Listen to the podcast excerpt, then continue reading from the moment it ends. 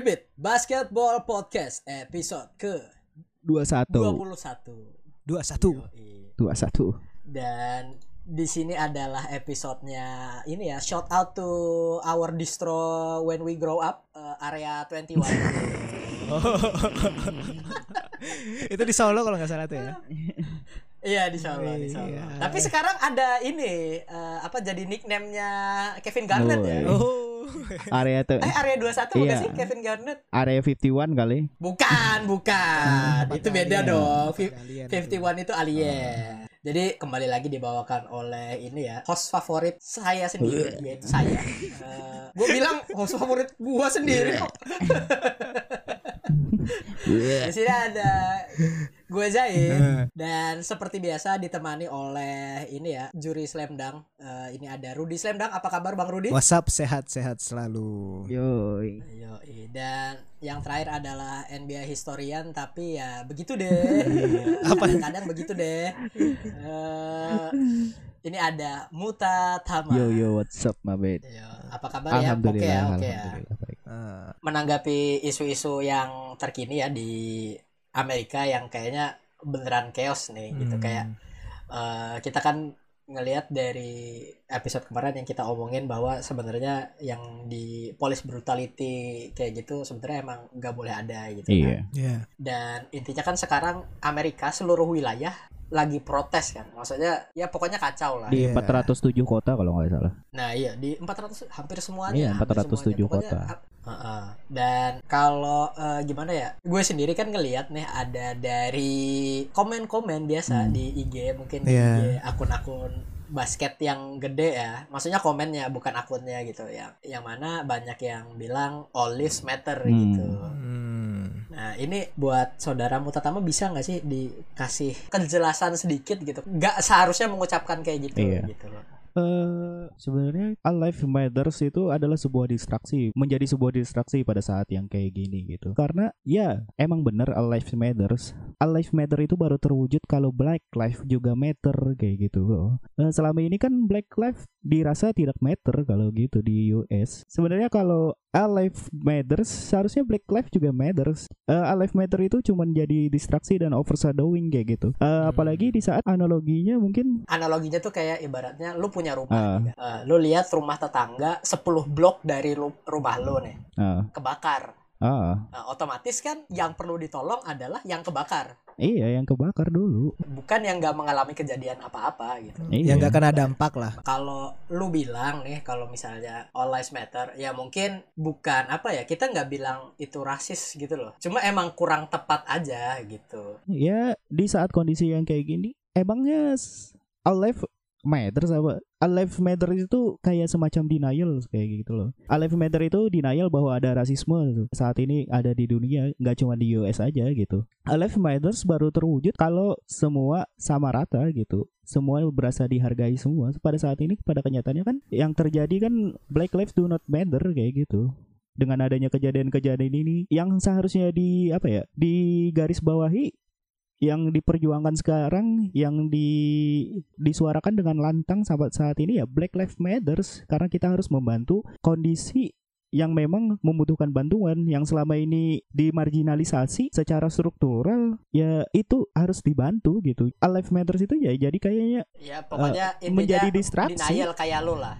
Iya Iya. Jadi kan karena ya memang ini sih cuman masalah pembahasan aja itu sebenarnya. Bener kata Takin itu cuman denial dan juga gue juga lihat juga selain masalah Alive Matter atau Black Lives Matter itu ada beberapa orang di semua di beberapa platform sosial media ke khususnya orang Indonesia bilang kan "Eh, ngapain eh, sibuk-sibuk ngurusin yang di Amerika sedangkan yang di Indonesia aja nggak di ini nggak ditanggepi contohnya tentang yang Papua itu kan Eh, di sini sebenarnya kan isu George Floyd ini kan sebagai trigger buat kita bahwa sebenarnya isu rasisme itu nggak mati, nggak hilang. Jadi dari zaman dulu dari zaman slavery sampai zaman sekarang tuh masih ada, masih ada orang yang dirasisin gitu loh. Bahkan di Indonesia pun emang ada, tapi karena kan momennya, momennya ini ya masalah yang di Amerika, terus kita juga gimana menyuarakannya kita mengingatkan ke teman-teman menjadi rasis itu bakal merusak kestabilan lah sebagai eh, kita sesama manusia gitu Nah, untuk yang lebih ininya ya, maksudnya kita sendiri kan bukan siapa-siapa ini Hmm. menyuarakan kayak gini kan. Kita maksudnya eh, buat ke teman-teman sekalian kan sharing aja gitu.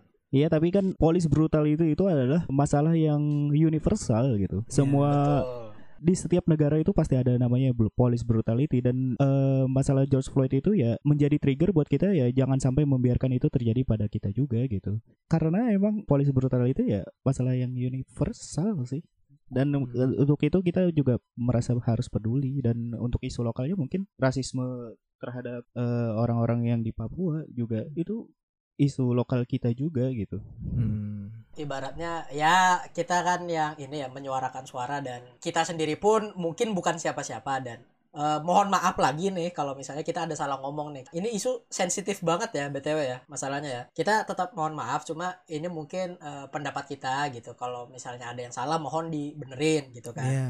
Eh, jangan jangan maksudnya jangan langsung dihakimi gitu kita juga masih belajar kita semua belajar gitu Eh, apa yang sebenarnya boleh atau yang nggak boleh dan untuk tahu lebih lanjut mungkin eh, ada di podcastnya Box Out Indonesia ya yang mana dia Hmm.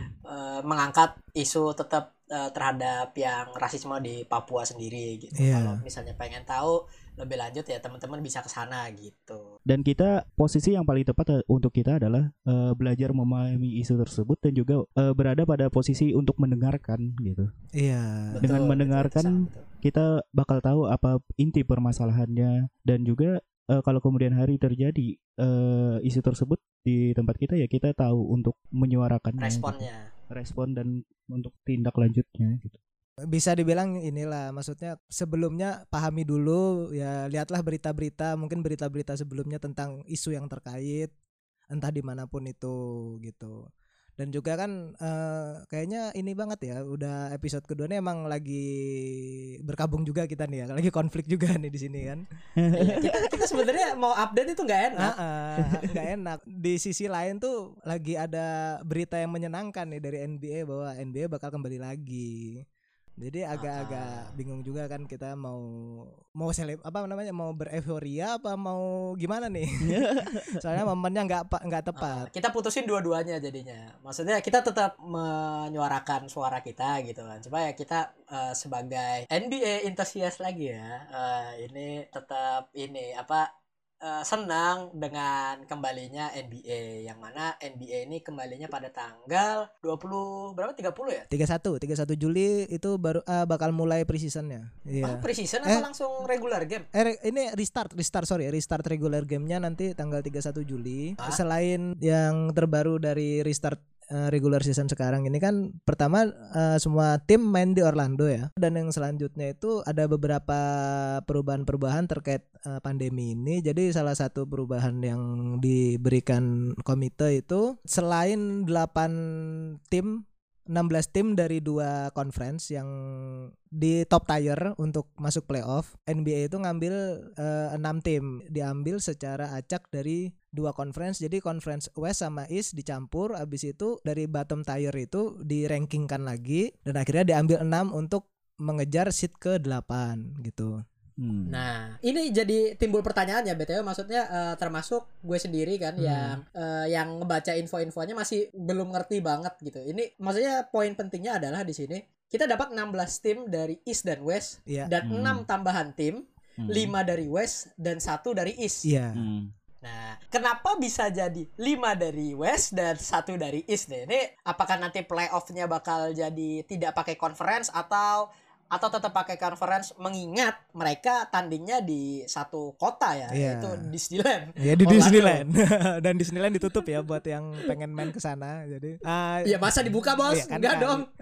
dan juga kan ini ah, sebenarnya gini yang enam tim itu jadi cuman pengambilan enam tamu undangan ini loh jadi eh, enam tim jalur undangan ini enam tim jalur waiting list nah, jalur waiting list Ya. enam tim jalur jalur waiting list ini ngambilnya secara acak soalnya kan kalau pas gua iseng-iseng nih gua bikin table lagi eh, dari bottom tier itu emang dari semua tim bottom tier itu kalau di rankingkan berdasarkan winning rate-nya kebanyakan top 5-nya itu dari West. Jadi kalau misalnya gua iniin ya, kalau gua rankingin ya. Jadi kalau dari win rate di bottom tier nih ya, di bottom tier bukan all league ya. Ya. Jadi nomor satu itu Portland, nomor 2 Pelicans, nomor 3 Sacramento, nomor 4 San Antonio Spurs, nomor 5 Phoenix Suns. Nah, nomor 6 Washington Wizards dari East. Jadi kalau yang kayak sisanya dari East itu kayak Charlotte Hornets, Chicago Bulls, New York Knicks. Nah, itu nggak masuk karena mereka emang dari winning rate percentage itu tidak bisa nggak ada kemungkinan ke playoff ah nggak ada kemungkinan nggak ada kemungkinan ke Tidak ada playoff. kemungkinan kan itu ada 8 pertandingan. Yang bottom tier itu kalau dalam enam pertandingan bisa ngejar, mereka baru masuk gitu.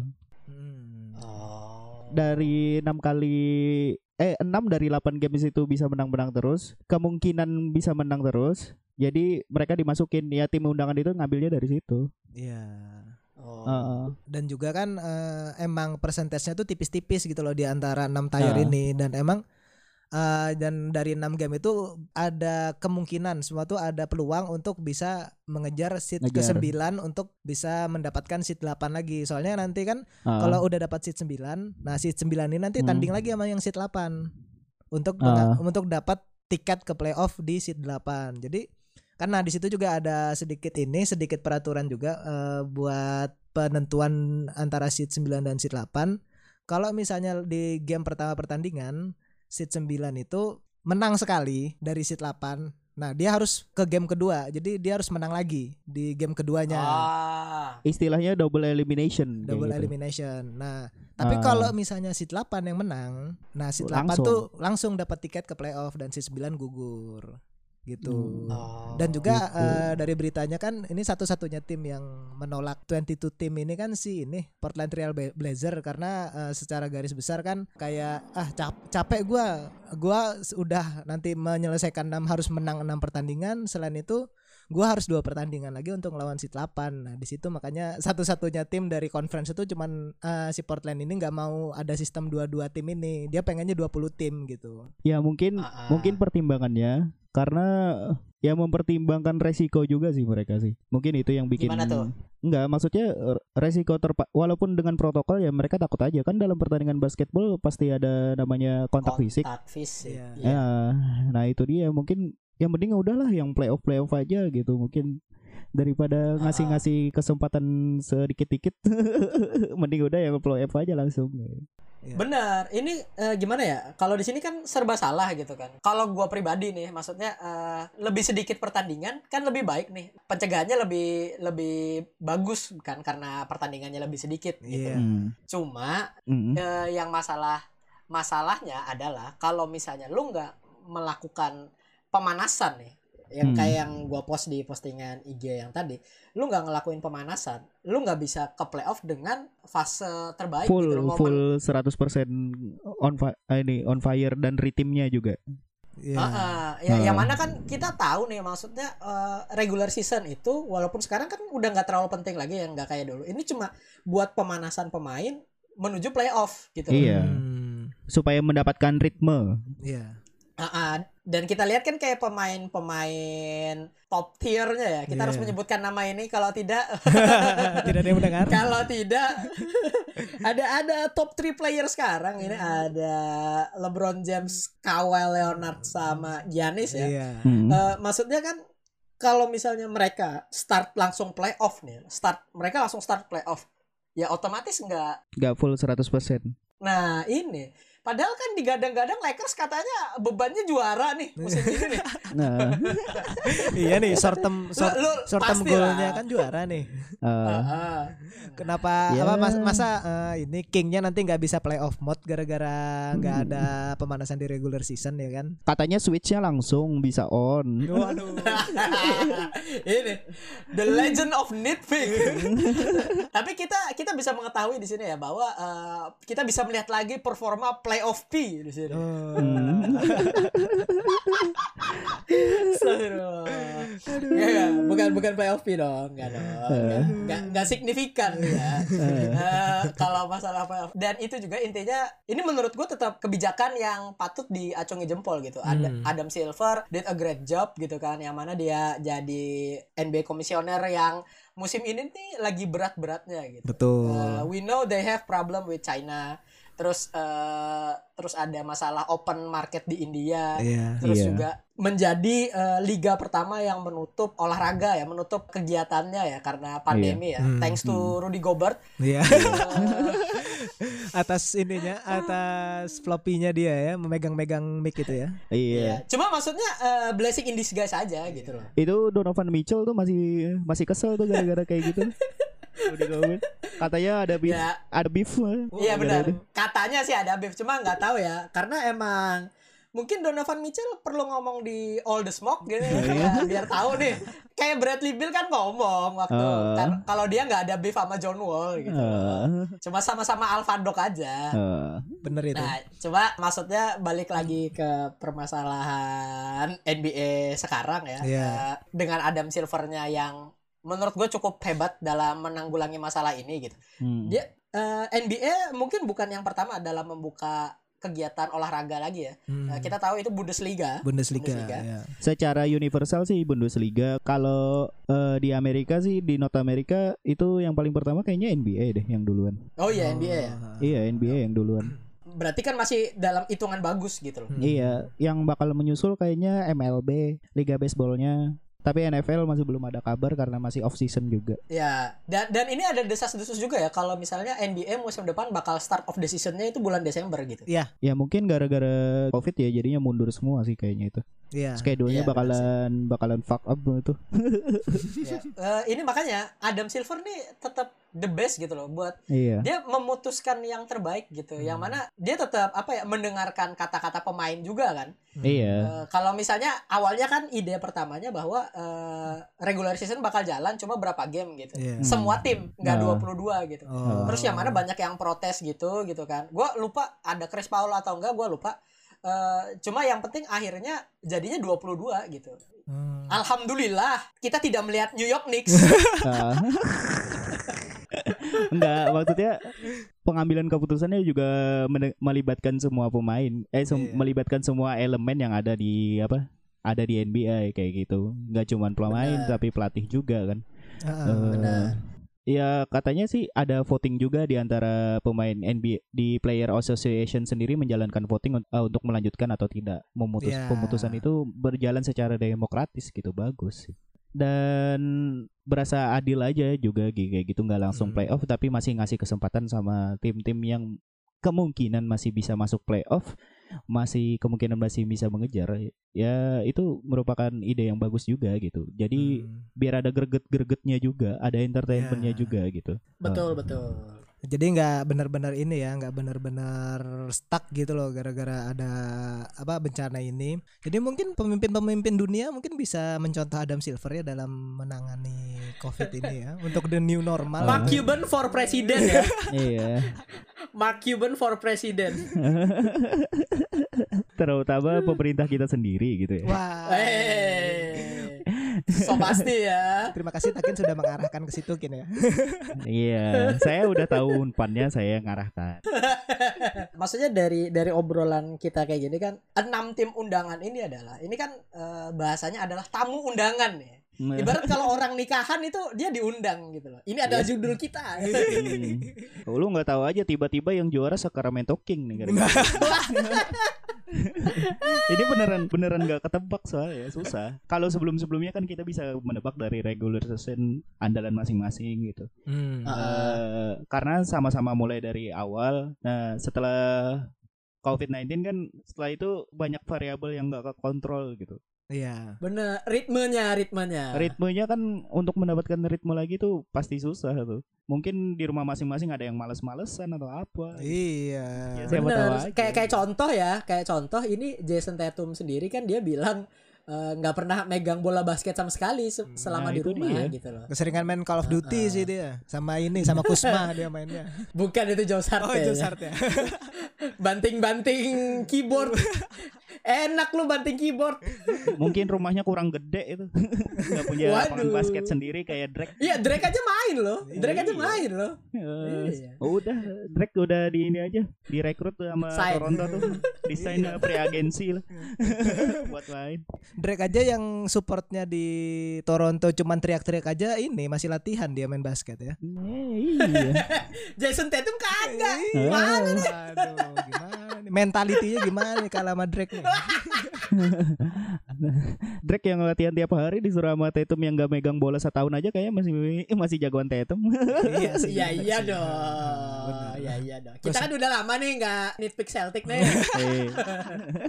Bo- bonus aja ini bonus Eh. gitu loh. Dan ini ya eh, permasalahan ini juga maksudnya kita ngelihat kan dari tamu undangan ini ya yang mana ada enam tadi Hmm. kita udah disebutin sama saudara Rudy Slamdang juga. Yoi. Eh, ini nih gua gua mau nanya ke Mutatama ini karena Hmm. bakal kita ambil hot tag-nya juga ya Iya. seperti biasa jadikan quote of the day. kita perah Eh, otaknya. Takin perah sekarang. ya. Eh, maksudnya kan pasti banyak nih pertanyaan-pertanyaan gitu kan yang apakah bisa salah satu tim ini yang buat ngambil posisi 8 gitu loh. Buat eh, apa ya masuk ke playoff musim ini gitu loh. Karena kan ada nih gua gua lupa tadi ada ada yang ngasih tahu juga. Kayaknya eh, si Pelikan bakal ngalahin Grizzlies di playoff gitu. Maksudnya bakal ngerebut Grizzlies di buat perebutan edge seat-nya gitu. Kalau menurut gue sih eh, yang paling gede kesempatannya ya Pelicans kalau menurut gue. Dengan kembalinya. Zion ya. Emang emang Pelicans emang kesempatannya itu paling bagus tuh. Hmm. Kemungkinan dia masih bisa kalau lawan Grizzlies itu masih 50-50 itu sebenarnya. Makanya bener aja Adam Silver kan bikin apa regular season dulu nggak langsung playoff karena itu posisinya masih 50-50 tuh sama Pelican sama Grizzlies tuh.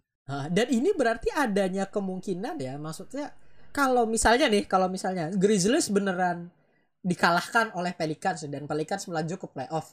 Yang mana kita tahu di situ ada dua rookie calon rookie of the year Hmm. dan walaupun si Zion baru main 22 game gitu kan. Kan kita bakal jadi ada naratif baru kan kalau gitu kan. Enggak sih. Oh, kenapa nih menurut lu enggak nih? Karena naratif itu udah terkunci duluan di sebelum adanya COVID-19 kalau menurut gue sih. Udahlah Rookie of the Year tetap Jamoran. Nah, kenapa itu nanti mungkin bakal kita bahas di episode khusus ya Iya. tentang strong Ini- case strong case ya. Ini ceritanya ngasih ngasih apa ngasih teaser dulu gitu. ya. Teaser. Iya, teaser. iya dong. Biar tetap stay Harus- tune. Harus dipancing. Iya. Heeh. Seneng kan dikasih teaser kan kalian kan? Kayaknya nggak cuman Pelikan deh kalau yang bisa Blazer. ngejar itu. Blazer Blazer atau ini sih. Blazer atau Pelikan sih kalau menurut gue. Kalau Spurs kayaknya susah. Susah ya. Berarti ini bakal jadi musim pertama Greg Popovich buat nggak masuk playoff ya selama berapa 20 berapa tahun tuh? Berapa tuh? Selama dia ngelatih lah bawa. Ya selama dia ngelatih cuy. Popovich ini jadi Arsenal Wenger ya jadinya Iya. ya. Untuk kalau misalnya di Arsenal ini dia keluar dari empat besar gitu. Hmm. Nah, Eh, tapi Popovich ini keluar dari edge seat gitu kan. Iya. nah. Eh, mungkin sudah di ujung twilight-nya juga mungkin Popovich. Tapi emang bener-bener nggak ini sih, nggak ketebak sih kayaknya. Kalau ya Bener, bener. susah Nggak banget. ketebak susah Nggak susah. Kalau Sacramento mungkin Ini- bisa ikut bersaing juga nggak sih dari sama Pelican sama Blazer? Karena kalau gua lihat ya Bisa. Eh, Sacramento nih masih kalau misalnya di game-gamenya ngelawan Blazer tuh masih bisa imbang bahkan bisa bisa menang lawan Blazer gitu loh di regular season. Kalau menurut gue sih kemungkinan besarnya Pelikan sih tetap Sacramento Pelikan ya, tetap. Sacramento lawan Pelicans ya Pelicans lah Iya sih kalau itu ya. Eh, Kar- karena emang kalau di West sendiri perebutan yang paling ketara itu kan eh, cuma buat peringkat 8 ya. Ka- Karena Iya. kita tahu nih dari peringkat 1 sampai 7 nih udah kayak lock locked in banget yang mana tujuh pun di West eh, masih masih seki gitu tapi beda beda ini beda berapa 8 8 8 game gitu loh. 8 game kan ya gua nggak tahu ya peraturan ininya masih berlaku atau kayak maksudnya peraturan win lossnya ini masih kepake atau enggak nih? beda 8 game itu kan masih bisa pak Kan pas 8 iya game. sih. Iya sih bisa. Kalau misalnya dari win percentage-nya ya antara Maverick kan nomor 7 tuh Maverick ya. Ya 7 Maverick. Nah, nomor 7 Maverick antara Maverick sama Memphis Grizzlies itu eh, Maverick win percentage-nya 59% sedangkan Grizzlies itu 49% dan Oh, total tipis ya. gede pak 10 10% 10%. Beda- Oh, 10%. Oke, bedanya oke, oke. 10%, selisih 10% dan total gamenya itu kalau Maverick itu 67, Memphis itu 65. Beda dua game doang mereka. Oh. Beda dua game tuh masih bisa kekejar Enggak yang dari bottom Iya sih. tier-nya ke Mavericknya masih bisa kekejar gak sih Kalau bottom tier ya kalau West ya kan ada Portland, Pelican sama Sacramento tuh sama-sama di 43% win rate-nya, win percentage-nya dan mereka eh, Portland itu 66 game total gamenya Jadi lebih banyak daripada Memphis. Terus Pelikan sama Sacramento tuh baru 64 game. Coba BTW di sini yang surprising adalah eh, diundangnya Suns ya. Nah, Kita maksudnya adalah si eh, certain someone ya yang dia bilang eh ini cuma ngejar rekor menang doang. Bener cuma rekor menang doang. Cuma dia diundang gitu loh. iya. Karena me- Si- emang masih siapa ya kemarin ya? Yang ada jatah-jatah menang itu ya kayak ini ya. Iya. Siapa ya? tapi kan ramalan saya kan bener tapi kalau Suns itu jatah menangnya ya sedikit Eh, di awal-awal on fire di akhir-akhirnya juga empot-empotan kan Iya benar. Ah. Benar kok benar, benar. Ini kita nggak bilang itu salah. Gue cuma mau ngomong aja. Jadi surprising gitu loh. Eh, yang mana maksudnya kita kita tahu ya eh, Warriors nggak masuk. Jadi mungkin Ah. kalau misalnya di sini yang ngedengerin ada fansnya Warrior Hmm. eh, tahun depan kalau semuanya udah baik kayaknya bisa sih buat maju ke playoff lagi gitu karena emang masih belum habis ya. konspirasi teorinya sih Warrior emang sengaja ngalah ini Waduh. iya. Wah, wah, dinastinya belum selesai sih sebenarnya. Tapi sengaja ngalahnya tuh sampai sacrifice sa- sacrifice tangan gitu ya. Tangan kirinya Curry patah itu sacrifice-nya gitu. Oh, ya. iya. iya itu tuh supaya mereka dapat ini aja supaya dapat draft yang lebih bagus aja Oh iya, iya. Iya. Ranking lottery ya. Betul. ini akal-akalannya Sam Hinkie ini Hingki, Hingki. Nah, cuma ya eh, dari enam tim ini kan balik lagi West tougher ya karena kita lihat yang diundangnya lima gitu loh. Hmm. Yang Hmm. dari East cuma Wizard gitu kan. hmm. Gue mau nanya lagi nih ke Mutatama nih. Dari lima tim ini dari Pelicans, Blazers, Suns, King dan Spurs, lo udah ada chance-nya buat ngerebut 8 seed itu di Pelicans berarti ya. iya kemungkinan Lo Pelicans ngambil Pelicans nih. Pelicans juga Oke. Fix di Oke, Pelicans oke, oke. Pelicans nih. ya. Kalau kalau ini nih, ini, ini kita kan berbagi hot take nih. kalau juara Bentar dulu, bentar dulu. bentar Sabar Gua- dulu. Gua, gua bakal ini, gua bakal nanya dulu ke Rudy Slamdang. Nih lo ada tim surprising tim di enam tim ini ada apa enggak nih? Sebe- Siapa nih? Sebenarnya gue surprising tuh Sacramento. Tapi kalau misalnya Takin ngomong Pelikan, gue langsung goyah ini gue. Ya, iman gue lu langsung beriman lu. Karena gini. Nggak beriman ya emang. Karena da- di antara ini ya, miss ini aja, miss perhitungan juga gue pelikan ya. Di antara Spurs, eh, Portland sama Sacramento, gue kayaknya untuk season ini Sacramento nih lagi oke-okenya nih. Dengan serangan-serangan Oh. cepatnya Aaron Fox. Aaron Fox, The Aaron Fox dan juga disupport juga kan sama teammate-teammate-nya. Bahkan mungkin salah satu ini yang bikin Portland Blazer tuh eh, nggak mau kalau ada 22 tim karena dia bakal capek nanti di depan game Oh. regular season. dan dan Pelikan Eh. ya Sacramento sama Pelikan yang susah buat ngelawan Portland. Jadi L- Lu mah ini seneng sama King saja nih. Enggak, enggak. Maksud gue gini loh. Kan kalau misalnya kita lihat kan di rank satu bottom tier itu kan Portland. Dengan kata lain kan kita bisa ngebenchmark Portland yang jadi apa? Siapa yang bisa ngeruntuhin Portland da- Ah. dalam game kan? Sedangkan yang gua gua lihat permainannya Sacramento, Spurs sama Phoenix Sun. Gue lupa sama Pelikan.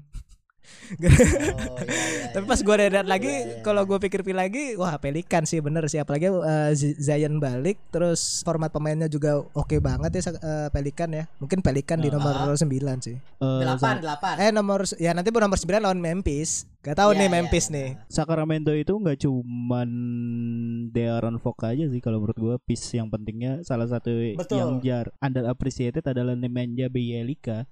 Hmm. Oh, lu- lu kalau kalau gue tuh malah ini pemain favorit gue tuh selain Buddy Hield Bogdan Bogdanovic. Oh, Bodan, Bo- Bohan, Bohan Bogdanovic. Bogdan. Bukan Bohan, Bogdan, Mbak. Bojan, Bogdan. Kalau Bohan tuh di beda. Jazz. Oh, beda ya. Bojan di Mereka kembaran ya? Kembaran gak sih? Namanya doang, Oh, Bos. namanya ya, sorry. Ini maksudnya Bogdanovic yang di Kings ini termasuk salah satu pemain underrated yang gue suka gaya mainnya gitu karena mainnya rapi, rapi Nah. aja gitu. Tapi dia bisa diandelin waktu crunch time eh, si Bogdan Bogdanovic ini ya. Karena emang dipakainya itu sih eh, Iya. strategi dari Kings yang mana kita tahu Kings udah banyak miss opportunity buat make Buddy Hield di crunch time musim ini. Benar. Gitu. Masalah crunch time nggak cuman Bogdan ya, Pak. Bjelica juga pernah ada ini eh di clutch di apa? Oh, Bielika juga ada ya. Hmm. Eh, Bjelica ada. Ini kan favorit gue, suka-suka gue dong. Enggak, enggak. Eh, ini nih cuma maksudnya kalau dari gue ya mungkin yang bakal ngambil tag nih eh, Trailblazer sih. Hmm. Ya kalau si Dem pengen ya dia bisa gitu loh. Si Ya. si Dem tuh apa apalagi lawannya nggak ada ini kan nggak ada hantunya Blazer ya Golden State Warrior ada kalau misalnya udah main sama Golden State wah otomatis jelek lah Iya. Tapi Blazer tahun ini itu Pak yang bener-bener bocor itu di defense-nya ya Pak. Betul. Bener, bocor banget Heeh. defense-nya Transisinya Bocor juga. banget. Soalnya eh, banyak pemain defensifnya yang udah udah ini di trade aja gitu. Dan Yusuf Nurkic kan Ah-ah. juga masih cedera juga. Ah, itu berat banget itu nyari penggantinya. karena karena Yusuf Nurkic juga walaupun didang sama LeBron James ya yang mana didangnya sampai jiwanya keluar itu eh, tetap pieces penting buat Blazers gitu. Cuma dia yang berani ngehadang LeBron waktu Iya. itu, yang lain kan enggak. Benar. yang lain malah males jadi poster aja. Wa- Walaupun ujung-ujungnya dia meninggal ya. ke ke dunia lain udah habis didang LeBron itu. langsung langsung diserap soulnya gitu. iya, itu ya kita kita nggak tahu lah. Maksudnya tetap Blazers emang defense-nya bocor banget musim ini. Dia juga baru ya pemain-pemainnya eh, rosternya juga baru-baru gitu. Mungkin Hmm. masih nyari finding chemistry juga buat apa buat Damian Lillard dan CJ McCollum Betul. eh, sama teman-teman lainnya gitu. Walaupun Melo settlesin gitu kan, walaupun Melo settlesin, Hasan Whiteside juga bagus juga Hmm. gitu. Tapi ya gua gua tetap maksudnya dari tim yang surprising bakal ngejar di seat, mungkin Blazer gitu. Nah. Lu Blazer jauh pak. Ya, gue sih suka sama Lillard aja ini mah. Udah lah. Sebenarnya berdasar. nggak Kemungkinan eh, kemungkinan Blazer bisa fight di Eight City ya tadi kalau Lillard eh, on fire kebakaran lagi kemungkinan Portland masih bisa kuat di seat 9 sih. Ya itu aja sih kuncinya soalnya tadi bener kata lu eh, katanya Takin defense-nya lagi kacau-kacaunya terus memang kalau kena turnover juga pas transisi ke belakangnya nggak ada gitu loh. Oh, Ah, ya iya. pasti iya. ujung-ujungnya yang rim protector Lillard Lillard lagi gitu loh. Ke mana Hasan Whiteside? oh iya iya.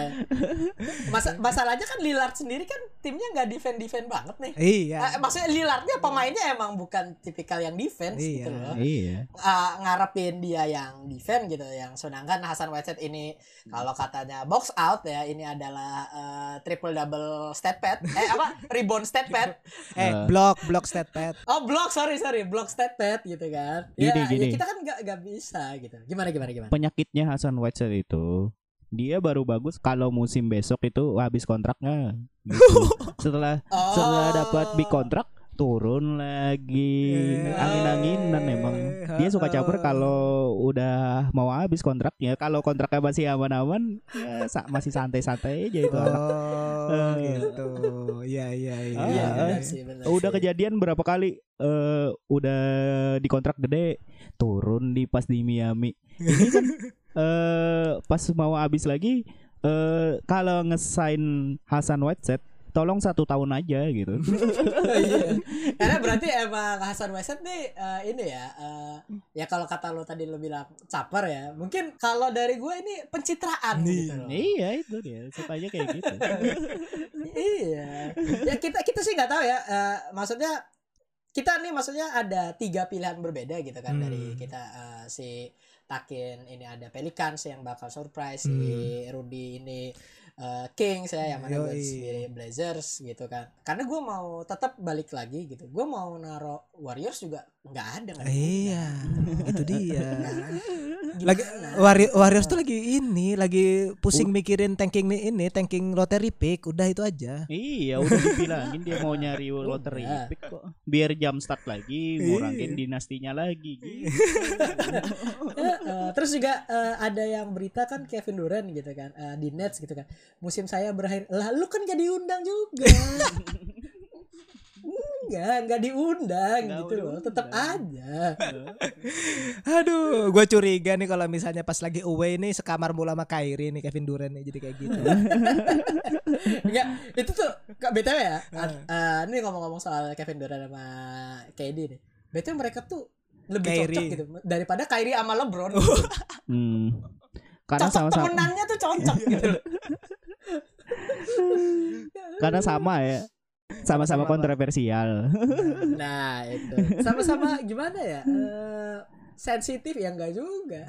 Ya kontroversial lah, eh, tetap eksentrik Kontroversial. ya. Yang membedakan Kyrie sama Kevin Durant itu sama cuman salary-nya aja. Kevin Durant lebih banyak salary-nya daripada Kyrie gitu aja sih sebenarnya. enggak bedanya bedanya cuma satu aja Kalau Kyrie dia lebih berani gitu. Oh. Mhm. Eh, lebih berani soalnya dari akunnya langsung. Kalau dia Kevin Durant kan pakai burner. Ujung-ujungnya ke situ lagi. Lu, pa- padahal pakai kalau akun alter.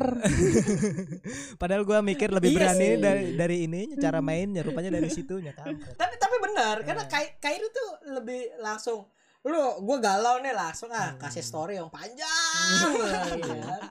Kalau Kevin Durant pakai burner account. kita nggak tahu pasti masih punya dia Iya. dia dia sendiri bilang kan Kevin Durant gue masih punya bener account gitu loh kan Hmm. ya ya berarti kita bisa tahu lah ini ada salah satunya mungkin Stephen A. Smith Burner atau eh, Aaron, Aaron Baines Burner gitu kan yang yang mana itu eh, dipegang oleh Kevin Durant tapi kita kan nggak tahu Iya. Aaron Benz aduh official eh, ini fans official ini itu Durant yang pegang tuh. Nah, makanya itu kan. Iya. ya. Intinya itu sih maksudnya eh, kita tetap senang kalau misalnya NBA udah kembali gitu ya. Mana kita sendiri adalah penikmat olahraga gitu. Iya. Walaupun masih nggak bisa olahraga karena masih adanya kegiatan apa eh, PSBB ini ya. Hmm. Maksudnya yang yang ini ya, yang nggak bandel-bandel ya. Iya. Karena teman-teman gue nih pada bandel juga nih BTW nih di sini nih. Tapi kalau di tempat gua nih ya, lapangan basket umumnya tuh dikunci ring ya. Jadi dikasih papan terus dikasih gembok. Jadi orang nggak ada main basket di situ. Tuh. Mungkin bisa nanti diimplementasikan biar yang bandel-bandel itu nggak main basket gitu. Bisa aja sih main tapi cuma ini latihan small ball, mainnya 3 point 3 point aja ala roket tuh. Oh. Tapi, tapi kan nggak masuk-masuk dong kalau gitu. Kan ringnya nggak ada. Kayak roket juga nggak masuk-masuk. Iya. itu dia. Eh jangan di tim gua tuh. Jangan. Eh, jadi maksudnya eh, semoga nih teman-teman yang ngedengerin nih eh, eh, bukan termasuk yang bandel-bandel ya. Iya. Eh, kalau disuruh di rumah aja manut aja nih ya, Hmm. karena emang ya lu kalau main basket kontak fisik bos Betul. kita nggak tahu siapa eh, mereka dari mana mereka ngapa habis ngapain gitu kita nggak Iya, tahu Kita nggak tahu keringatnya siapa yang ada tumpangannya kan siapa yang tahu.